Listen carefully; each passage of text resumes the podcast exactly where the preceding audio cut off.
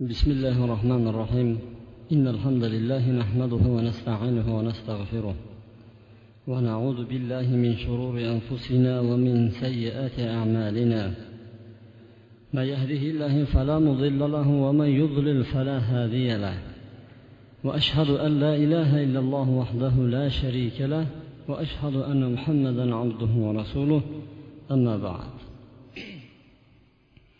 Assalomu alaykum va rahmatullohi va barakatuh.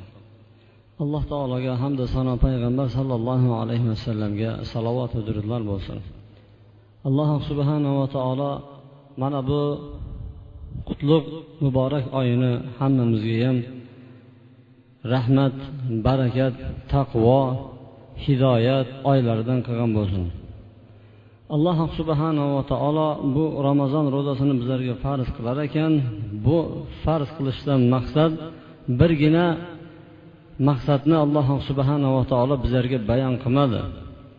Balki buni orqasidan judayam ko'pgina alloh taolo yaxshiliklar borlig'ini bizlarga qur'oni karimda ishora qildi. Ana shu yaxshiliklarni birinchisi taqvo hisoblanadi. Alloh taolo qur'oni karimda marhamat qilib aytadiki sizlar taqvodor bo'lishingiz uchun taqvo ahli bo'lishingiz uchun sizlarga ro'za farz qilindi. Demak ro'zadan ko'zlanayotgan alloh taoloni birinchi maqsadi birinchi niyati bu taqvo bo'lyapti ana shu taqvoni alloh taolo bizlardan xohlayotgan ekan bu taqvo jannatga bizlarni olib kiradigan eng avvalgi sifat bo'ladi. Bir odam taqvodor bo'lmagunicha u odam jannatga kirolmaydi. O'zini qalbidagi taqvosiga yarasha jannatdan joylar oladi. Alloh taolo qur'oni karimda jannatni uiddat lil muttaqin. U jannat taqvodorlar uchun tayyorlab qo'yilgan deb bir qancha oyatlarida marhamat qiladi. Demak alloh subhanava taolo jannatni taqvodorlar uchun tayyorlab qo'ygan ekan. Jannatga tushish uchun taqvo bo'lishi kerak ekan. Bu taqvo ramazondagi ro'za hamda ro'za tutishlik bilan qo'lga kirar ekan. Kelinglar bugun taqvoni asl ma'nosi. Taqvo bu nima degan savollarga bir javob olishlikka harakat qilamiz.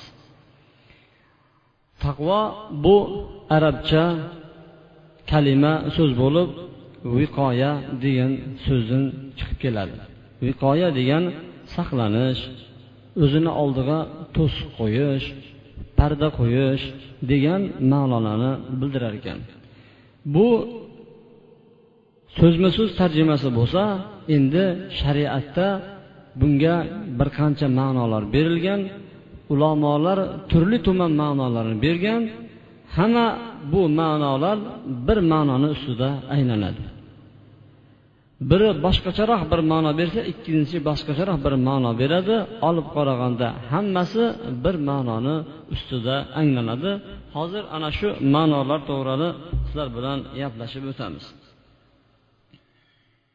Taqvoni asli deydi hofiz ibn rajab rahimaulloh banda o'zi qo'rqayotgan o'zi ehtiyot bo'layotgan narsani oldiga to'siq qo'yish deb ataladi.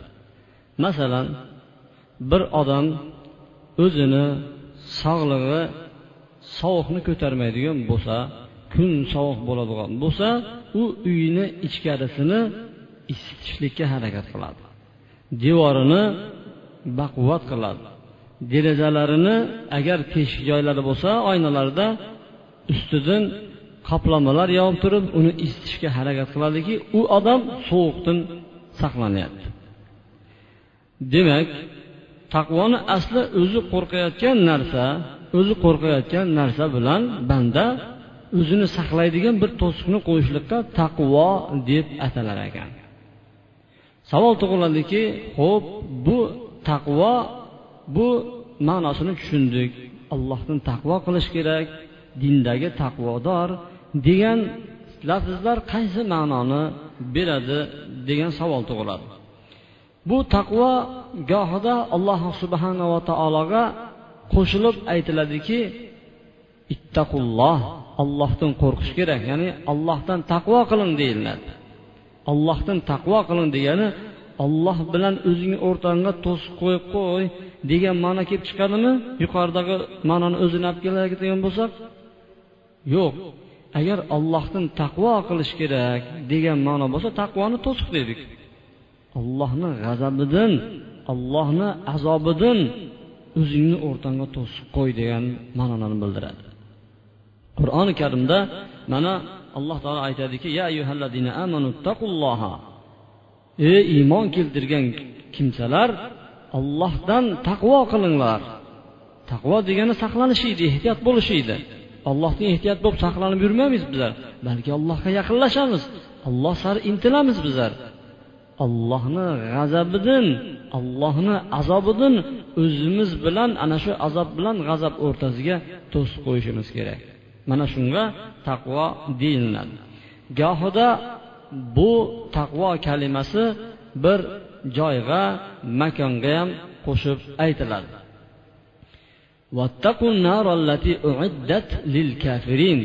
Do'zaxdan taqvo qilinglar do'zaxdan qo'rqinglar degani shu do'zaxga tushishlik uchun oldingizlarga bir parda to'siq qo'yinglar degan ma'noni bildiradi. Boshqa oyatda esa vattaqu yawman turjauna ilalloh. Ollohga qaytadigan kundan qo'rqinglar. Bu yerda birinchisida do'zaxdan qo'rqinglar deyilayotgan bo'lsa ikkinchisi kundan qo'rqinglar deyilyapti.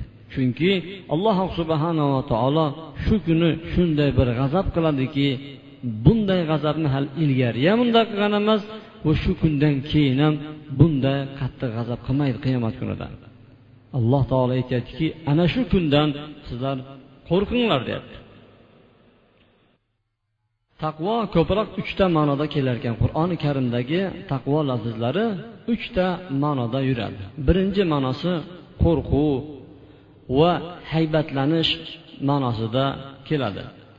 Bu mana hozir biz aytib o'tgandek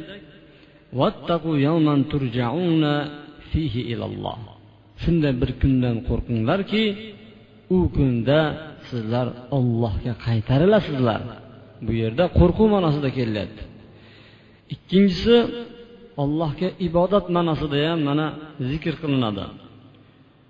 Ya ayyuhallazina amanu taqulloha haqqa tuqotihi ey iymon keltirganlar Allohdan haqiqiy qo'rqinglar degan ma'nosi allohga haqiqiy ibodat qilinglar chiroyli ibodat qilinglar degan ma'noda yuradi. Uchinchisi esa gunohlardan tozalash ma'nosida ham iste'mol qilinadi. Demak bu taqvolar har turli taqvo bo'ladi. Birinchi turdagi taqvo mana bundan iborat. Xullas man shu do'zaxga abadiy qolib ketmasam bo'ldi deb alloh taolodan so'rab yuradiki ey alloh meni o'zing abadiy do'zaxda qoldirmag'in deb turib ana shu do'zaxda abadul abad qolib ketishdan qo'rqadi bu degan so'z u kishini do'zaxga mayli biroz tushib gunohlarim bor shundan yuvilib qolib ketmay degan suratdagi qo'rquv bu qo'rquv aslida yahudiylarni qo'rquvi bo'ladi. Yahudiylar aytardiki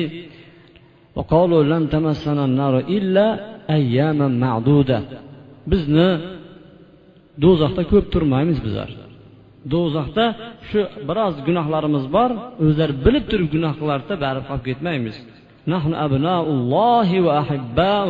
Biz ollohni farzandlarimiz biz ollohni yaxshi ko'rganlarimiz. Qanday alloh taolo bizlarni azoblaydi? Degan ularda e'tiqod bor edi. Payg'ambarlardan bizlardan chiqyapti olimlarimiz bizlarda bizlarga kitob berilgan bizlar bizlar bizlar deb turib mana shunday maqtanib maqtanib bizlar do'zaxda biroz turamiz tag'in keyin baribir chiqib ketamiz bizlar deb mana shunday qo'rquv ham bor.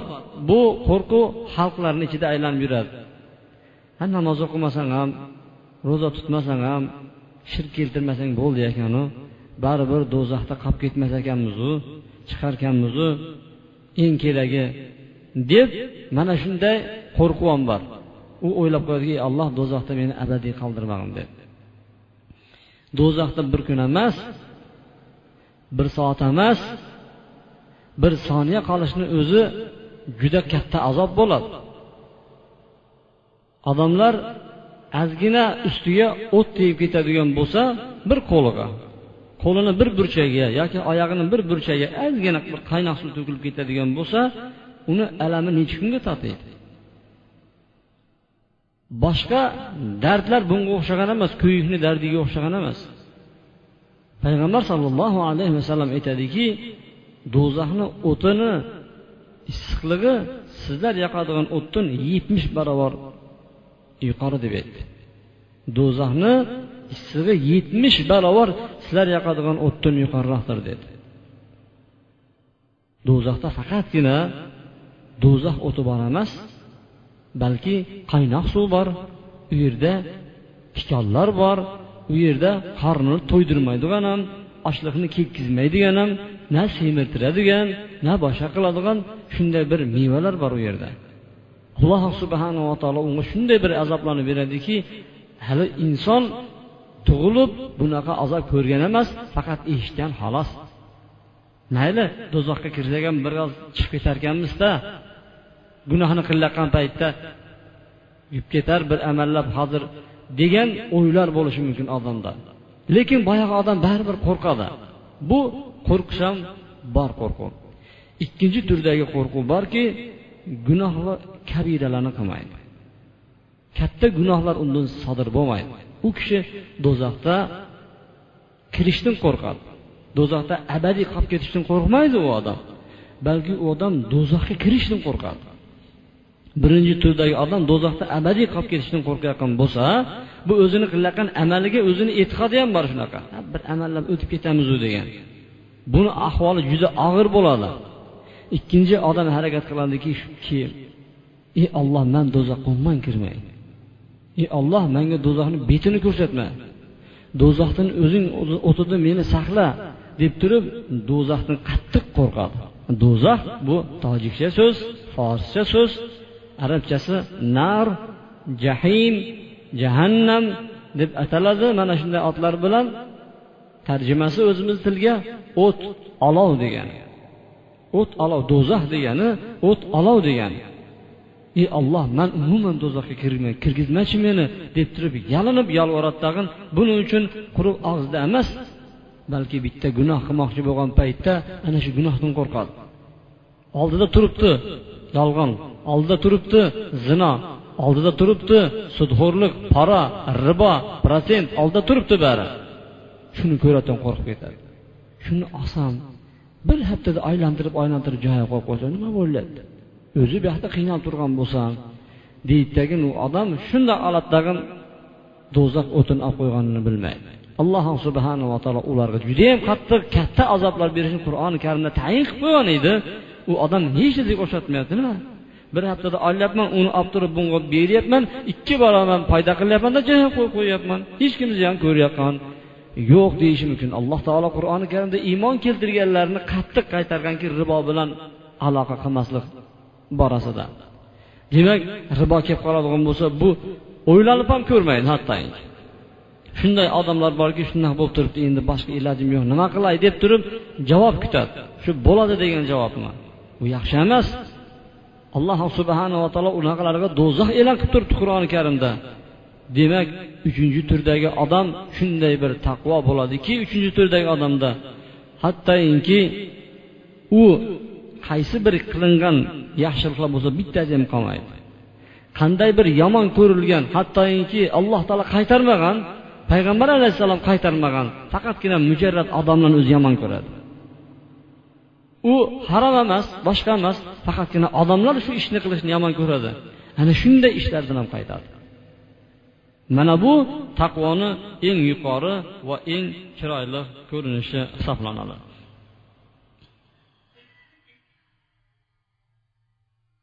Hasan al basri aytadiki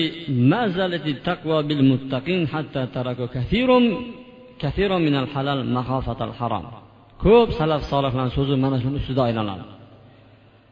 Muttaqillar taqvosi bilan hanuzgacha davom etib kelyaptilar davom etadilar hattoki ular halol bo'lgan narsani harom bo'lib qolishidan qo'rqib tashlamagunlaricha deydi hamda imom savriy aytadiki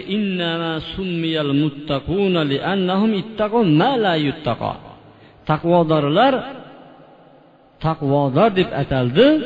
Ko'p odamlar taqvo qilmaydigan narsalardan taqvo qilganligi uchun deb atadi.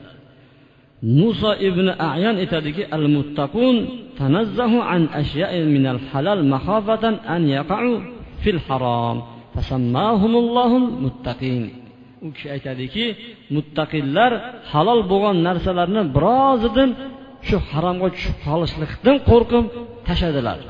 Keyin alloh taolo ularni otini muttaqillar deb atadi dedi. Demak bir odam ko'p halol ishlarni ichida bemalol yuraveradigan bo'lsa masalan shunday bir odamlar borki kuniga taom yeydi o'zini ulfati bilan birinchi kun boshqasi bilan ikkinchi kun unisi bilan uchinchi kun har kuni choyxona choyxona choyxona. Kafe taom ovqatxona har kuni shu ovqatni ustida. U yerga borgandan keyin tabiiyki u yerda diniy hurmat bo'lmaydi o'tgan ishlar gapirilib har kuni shu yerda bo'yiradi o'yin kulgi. Oxirida og'zidan nima gap chiqayotganini bilmay qoladi. Bir misol tariqasida aytib ketyapmizda odamlar bor har kuni haftasiga to'rt marta hali kulchatay hali unaqa hali bunaqa yeydigan odamlar bor. Ular o'tirib turib hamma narsani og'zidan qo'yaveradi. Bu halol bu mumkin. Agar sakkiz kun bo'lsa bir haftada mabodo yeyishlik halol harom emas. Ki man shundan tiyilay o'zimni desa bu bir bir misol bu. Yoki shunga o'xshagan biron bir masalalar chiqadiki o'zi halol bo'lib turibdi lekin ozgina shubhalar bo'lib turibdi. Ana shu shunaqa shubhalarni tashlab ana shu halol deb e'tiqod qiladida biroq tashlaydi olloh uchun.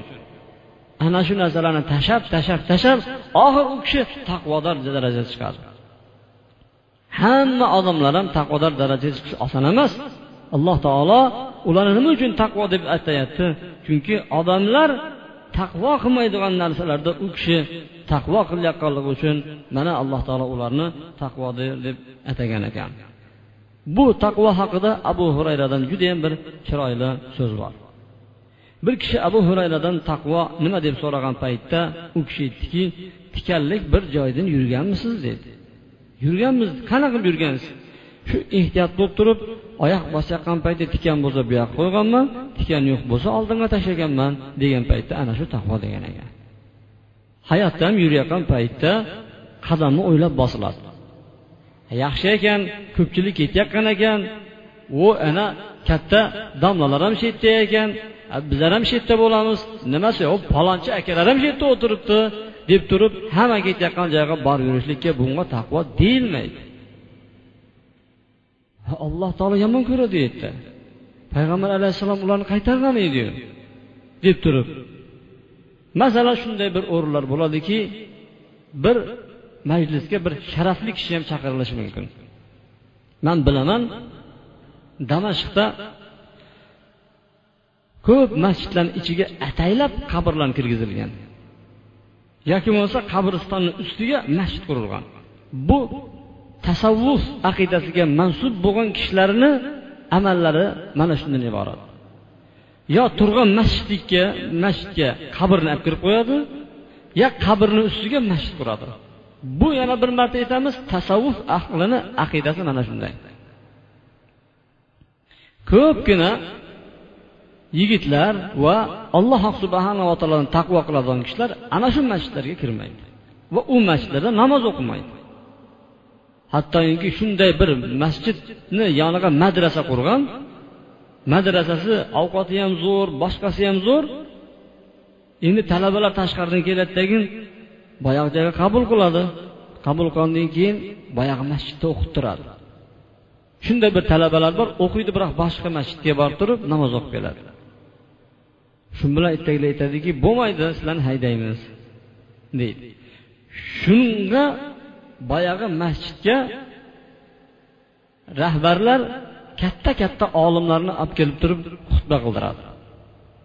Xutba qilib bering deydida maqsad xutba qildirish emas. Maqsad shu masjidga olib kelib turib ularni namoz o'qitirish. Namoz vaqtiga to'g'irlab. Katta shayxlar ham keladi kelib turib boya joyda xutbasini qiladi. Uni ko'rgandan keyin aytadi mana katta olimlar kelyapti bu yerga olimlar xutba aytyapti nima bo'ladi bu yerda namoz o'qisa? deb turib odamlarni mana shunday buzishlikqa harakat qiladi. Ho'p u olim oldida turgan ba'zi bir to'siqlarni bosib kelajakdagi bir katta bir manfaatlarga o'tishi mumkin. Lekin bu yoqdagilar hadis bor payg'ambar sollallohu alayhi vasallam olloh yahud va nasorolarni la'natlasin. Ular payg'ambarlarini qabrlarini ustiga masjid qurdilar. O'y sizlar qabrlarni masjidga sajda qiladigan joylarga aylantirib olmanglar dedi ho'p bir odamni majburlab olib kelgan bo'lishi mumkin. Masalan o'ldirishga o'xshagan bir tahdidlarni solgan bo'lishi mumkin. Lekin boshqalar hadislarni oyatlarni ko'rib turib mana falon odam ham qildiyu demak bo'lar ekanda deb ketaverayotgan odamda taqvo sifati topilmaydi taqvo hamma odamni o'zini qalbida bo'ladi. Falon odam qilayotgan ekan. Ha falon odam kechanda ko'rdim ashula aytib o'tirgan ekan. Yoki bo'lmasa palon odamni ko'rdim kirmandani dang'ir dung'ir qilib ko'rdi. Demak bo'lar ekanda. Degan xayolga bormayoq masalan hozirgi bitta yana bir bir misolda odamlarni mashinasida magnitofonlar bor bundoq magnitofonni bir fleshkaga olib beradiyu antenaga o'xshab nima deydi shuni? Modulyator deydimi? Ana shu modulyatorda ma'ruza eshitib ketilayotgan edi bir mahal muzika chalib yubordi boyagi muzika chalib turib endi gumbur gumbur bo'lib ketdi boyagi joyda. Biroq ma'ruza eshitilyapti qarasa ikkinchi mashinadagi modulyatori kuchlimi yo uni olib beradigan to'lqini kuchlimi? Bu mashinada ma'ruzani ustida boyagi muzika bo'lib ketdi. Tasavvur qiling shu paytda bir odam o'tib qoldi yoningizda domlani mashinasini ichida muzika chiqyapti. Ana eshitib yuribdiyu bo'larkanda degan hayol bo'lmaydi. Palonchi odam qilib yuribdi pistonchi odam qilib yuribdi degan kishida taqvo bo'lmaydi hech qachon. Har kimni o'zida shaxsiy fikr bo'lishi kerak shaxsiy yo'nalish bo'lishi kerak. Alloh taoloni chegarasi bor payg'ambar sollallohu alayhi vasallamni chegarasi bor. Mana shu chegaralardan chiqmasdan hattoki odamlar ham boyiradi kelsa qilmaydi nima bo'libdi? Mana shuncha odamlar o balon piston akalar qilib kelgan buni. Degan gaplarni birontasi hujjat bo'lmaydi. Bir odam taqvo qilaman deyotgan bo'lsa oldiga alloh taolo o'zgarmas kitob tashlab qo'ydi. Alloh taoloni bu kitobi ollohni kalomi bo'ladi bu. Payg'ambar sollallohu alayhi vasallamni saralangan hadislari yetib kelgan. Imom buxoriy imom muslim termiziy ahmad ibn hambal ibn moja abu dovud va mana shunga o'xshab bir qancha muhaddislar bizni ichimizga o'zgarmas kitoblarni olib kirib qo'yib bergan. Mana shu kitoblardan foydalanib turib palon undoq ekan piston undoqqan ekan degan gaplar emas ochiq tiniq halol tomonlarni olishga o'rganmagunimizcha bizda taqvo sifatiga biz erisholmaymiz. Demak bu taqvoni sharafi judayam katta. Birinchisi alloh taoloni vasiyati ekan. Alloh taolo qur'oni karimda alloh taolo darhaqiqat dedi alloh taolo biz ahli kitoblarga kitob bergan kishilarga sizlardan oldingi va sizlarga ham vasiyat qilyapmizki anittaqulloh allohdan taqvo qilinglar. Bir mashhur odamni ushlab turib bolam mana shu ishni qilmagin sanga vasiyat qilaman desa necha yillar eslab yuramiz. Alloh taoloni birgina vasiyati bizga va kitob bergan kishilarga allohdan taqvo qilinglar degan vasiyat ekan. Hamda payg'ambar sollallohu alayhi vasallamni vasiyati ham bir kuni judayam qattiq ma'ruza qildi. Odamlar yig'lab yubordi qalblari bo'shab ketdi. Bir sahoba turib yo rasululloh bu ma'ruzangizdan keyin bizlar bilan xayrlashadiganga o'xshayapsiz. Bir narsalarni vasiyat qilib keting degan paytda payg'ambar alayhissalom usikum bitaqvolloh sizlarni man allohga taqvo qilishlikka vasiyat qilaman dedi hamma payg'ambarlarni vasiyatlari ham bitta bo'lgan ekan. Bariniki o'y taqvo qilmaysizlarmi? Qur'oni karimda ketma ket keladi. Hamda o'tgan salaf solihlarni ham qilgan ishlari bir biriga doim bir biriga vasiyat qilishardi bu vasiyatlar ollohdan taqvo qilinglar deydi. Savol berardiki allohdan taqvo qildi degan so'z og'zidan chiqib ketyapti bu nima allohdan taqvo deganda ularni iboralari har turli bo'lardi. Birlar aytardiki allohdan taqvo qiling deganda taqvo nima? degan paytda aytardiki taqvo alloh taolo buyurgan joyda seni ko'rmay qolmasin. Alloh taolo qaytargan joyda seni ko'rib qolmasin. Masalan alloh taolo jamoat bo'lib namoz o'qishlikni erkaklarga farz qildi. Alloh taolo besh vaqt namozni farz qildi. To'g'rimi? Bir odam masalan e, bir misol tariqasida aytadigan bo'lsak bir kishini do'koni bor. Do'konini tashlab ketadigan bo'lsa uni e, har kim o'g'irlab ketish xavfi bo'ladigan bo'lsa u kishi do'konida o'qishlikqa ruxsati bor. Yoki bir odamni bozorda narsasi bor uni yig'adi uni hammasi yig'ishtirib uncha vaqt o'tib ketadi. Ana shunaqa kishilarga bozorda yoki do'konlarda namoz o'qishlik imkoniyati berildi jamoatsiz. Bir odam uyda yotibdi. Judayam qiziq joy kelib qoldi televizorda. Shu uyda ham o'qisa bo'ladi deb turib boyagi joyda qilishligi yaxshi emas. Alloh taolo erkak kishilarni jamoat bilan namoz o'qishlikqa farz qildimi? Alloh taolo ana shu paytda buyurgan joyda ko'rsin seni dedi. Alloh taolo qaytargan joylar bor. Zino qiladigan yoki sudxo'rlik qiladigan yolg'on gapiradigan kizib xiyonat mana shunday ishlar bor. Olloh qaytargan joyida seni topib ko'rib qolmasin dedi bir odamga biz siz yaxshilik qilib berardingiz. Masalan yig'lab uyingizga keldiki man judayam bo'lmayapti manga shu ming tanga berib turingchi dedi shu bilan boyag'ini siz biladigan bir ikkita jinoyatlarni bilardingiz shu ishni qilmasang beraman deb bo'ldi dedi shu bilan bir kun ustidan chiqib qoldingiz boyag'ini. Qizaradimi qizarmaydimi? Alloh subhanava taolo bizlarga shuncha yaxshilik qilib turibdi. Alloh taolo qaytargan joyida sizni ko'rib qolmasin. Taqvo deb turib mana shunga aytiladi. Mana vaqtimiz judayam qisqa bo'lganligi uchun inshaalloh xutbani ichida bu mavzuga tegishli ba'zi masalalarga to'xtalib o'tamiz. Alloh subhanava taolo hammamizga ham taqvo sifatini bersin. chunki taqvo bu jannatga kiradigan bizlarga eng avvalambor hujjat bo'ladi. Agar siz taqvodor hisoblasangiz o'zingizni demak jannatni hisoblang. Bu taqvo darajasini alloh subhanava taolo hammamizga ham mana shu oylarda bergan bo'lsin. Subhanaka allohumma bihamdik. Ashhadu an la ilaha illa anta astag'firuka va atubu ilayk. Bi rahmatika ya arhamar rahimin. Innal hamdalillah نحمده ونستعينه ونستغفره ونعوذ بالله من شرور أنفسنا ومن سيئات أعمالنا. من يهده الله فلا مضل له ومن يضلل فلا هادي له. وأشهد أن لا إله إلا الله وحده لا شريك له. وأشهد أن محمدا عبده ورسوله. أما بعد. taqvo bu alloh subhanava taolo insonga berayotgan eng yaxshi liboslarni bittasidir ha inson libosi bilan chiroyli bo'ladi. Alloh taolo qur'oni karimda marhamat qilib aytadiki biz sizlarga libos hamda ziynat tushirdik.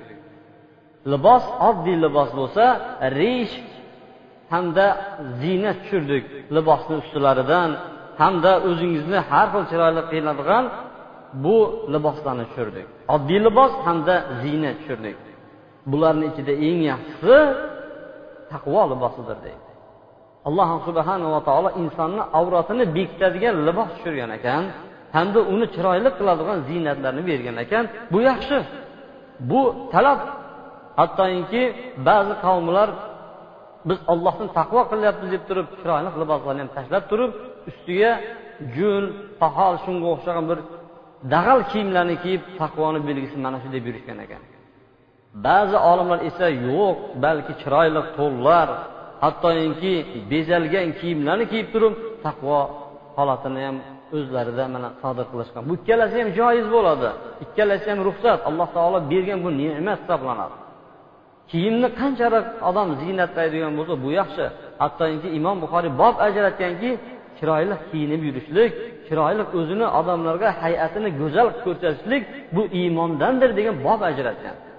Chiroyli kiyinib yurishlik chiroyli yurishlik hattoki o'zini a'zolarini chiroyli qilishlik bu ya'ni a'zolarni masalan sochlari va boshqa joylari bu iymondan hisoblanadi. Alloh taolo aytyaptiki lekin bularni ichida eng yaxshi bir libos borki bu libos taqvo libosidir. Go'yoki alloh taolo aytyaptiki kimni taqvosi bo'lmaydigan bo'lsa u qip yalang'och demoqchi u yalang'och ekan. Qanaqa Si tomonda yalang'och. Bir odamni taqvosi bo'lmaydigan bo'lsa uni dindagi kiyimi bo'lmadi degan so'z ziynati bo'lmadi degan so'z. Faqatgina taqvo sifatli o'zimizni qalbimizni ziynatlarkanmiz odamiyligimizni ziynatimizga ziynat qo'shgan bo'larkanmiz hamda biz hammamiz ham mana mehnat qilamiz. Bu mehnat qilishdan maqsad ba'zilar qorin to'ydirish bo'lsa ba'zilari bola chaqasini boqish va buni g'amlab ham qo'yamiz. To'rt qop un shakar guruch non shunga o'xshagan narsalarni g'amlab qo'yamiz alloh subhanava taolo bularni yaxshi dedi tazavvadu zodi o'zingizlarga zot ozuqani yig'inglar dedi ozuqalarni olinglar dedi bunaqa g'amlaydigan narsalarning eng yaxshisi taqvodir dedi esdan chiqarmaymiz och qolib ketishimizdan hamma narsa uyda g'amlangan. Bor. Agar mabodo ozgina tamomiga yetishga yaqinlashib qolgan paytda tez borib akkavorlarni ado bo'lib qolibdi tugab qolibdi deymiz.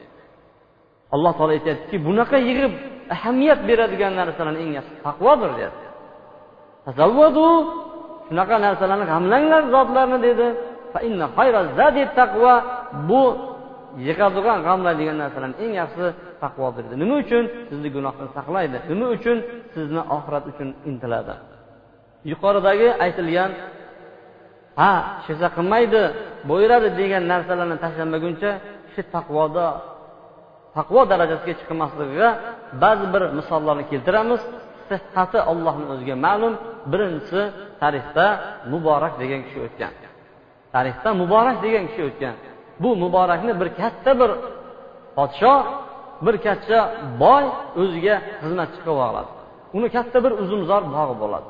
Bir kuni mehmon kelgan paytda muborak degan qulini chaqirtirib siz bir mehmon kelib qolibdi eng yaxshi bir uzumni olib kelingchi deydi eng yaxshi uzumni olib kelib mehmonni oldiga qo'yadi. Shunda xo'jayini uzum yeb ko'ribsa judayam bir achchiq ekanki usti chiroyli bo'lgani bilan qulini chaqirib so'kadiki san qanaqa odamsan o'zi deydi man senga eng yaxshi uzumni olib kel desam nima qilganing bu deganda siz menga uzumlarini qarab turib parvarish qil deb tayinlagan edingiz. Biroq uzumdan ye deb aytmagan edingiz deydi. U kishi taqriban o'n yildan ko'proq shu bog'da xizmat qilgan ekanu lekin bitta ham uzum yemagan ekan. Boyagi podsho rangi boshqacha bo'ldiki bunaqa taqvodor insonni qo'ldan chiqarmaslik kerak deb turib qizini unashtiradi degin u kishidan abdulloh degan o'g'il tug'iladi degin u kishi tarixdagi eng katta olimlardan chiqqan mana shu o'rta osiyodan chiqqan abdulloh ibn muborakka aylangan ekan ana shu taqvoni orqasidan. Demak bir odamni bir kishi boqqa oladigan bo'lsa yeyishlik ruxsat harom emas bemalol chunki unga bog' topshirildimi? Xohlaganini yesin xohlaganini qo'ysin biroq uyga olib ketishga agar imkoniyat bersa olib ketadi. Lekin boqqa qara dedimi undan yeyish bemalol ruxsat. Yana bitta abu hanifani voqeasini bilasizlar. Imomi azami adasi bir kishini bog'ida ishlardi. Hamda bir kuni ariq bo'yida o'tirsa bir olma oqib keladi. Ana shu olmani bitta tishlaydidagi buni egasini so'ramadim deb turib izlab izlab bir boqqa borsa bir bog'ni egasi shu joyda o'tirgan bo'ladi. Man rozi bo'ling bilmasdan olmani suvini oqib kelgan ekan shuni tishlab qo'ydim man shunda rozi bo'ling degan paytda bu kishini taqvosini ko'rtagin rozi bo'lmayman dedi bitta shartim bor bir qizim bor shuni beraman sizga deganda mayli dedi. Biroq qizimni ayblari bor dedi. Ko'zi ko'rmaydi qulog'i eshitmaydi yurolmaydi qo'li yo'q qizim dedi. Buni egasini rozi qilishlik uchun mayli deb turib turmushga chiqadi u kishini u ayolni huzuriga kirgan paytda ne ko'z bilan ko'rsinki dunyodagi eng go'zal ayol o'tiribdi chiqib ketadi siz emassiz? yo'q manman desa ham chaqirib kelgandan keyin siz aytgan sifat yo'q deganda ko'zi ko'rmaydi deganim gunoh narsalarni ko'rmaydi qo'li ishlamaydi degani gunohga borgan emas qo'li oyog'i ishlamaydi degani gunohga borgan emas bu oyog'i bilan. Xullas kalom hammasi sifatlab bergandan keyin u kishida mana abu hanifa imom azam rahmatulloh alayhi dunyoga kelgan. Yana bir misol keltiradigan bo'lsa imomi azam davrida bir qo'y yo'qoldi. Qo'yni o'g'irlab ketdi. Imomi azam qirq yilgacha qo'y go'shti yegan emas ekan uchtala holatni oladigan bo'lsa uchtala holatda ham muboh yeyishlik joyi deydi. Birinchisi olmani indamay yeb ketaversak joyi ariqdan olma olib kelayotgan bo'lsa mabodo yuzta olma olib kelayotgan bo'lsa barini tutib uyga olib kelib ketsangiz gunohkor bo'lmaysiz. Bir odam qo'y go'shti masalan boyagi holatda qo'y o'g'ri qo'shnisini qo'y o'g'irlangan bo'lsa ham misoliga qo'y go'shtini yeyverishligi bu harom emas. Demak kishi taqvodor daraja qanday chiqadi? Bo'yaveradi zarari yo'q degan narsalarni ham shu haromga tushib qolishdan qo'rqib taqvo qilgandan keyin kishi taqvodor darajada chiqadi. Bu bir misol tariqasida aytyapti albatta bizni oramizda bunchalik taqvo qiladigan odamlar topilmasa ham lekin mana shu taqvoni hididan ozgina ta'sirlanadi degan maqsadda ushbu qissalarni keltirdik. Alloh subhanava taolo bizlarga ham mana shunday taqvoni nasib qilsin. Alloh taolo bizni zurriyotlarimizga ham mana shunday taqvoni nasib qilsin.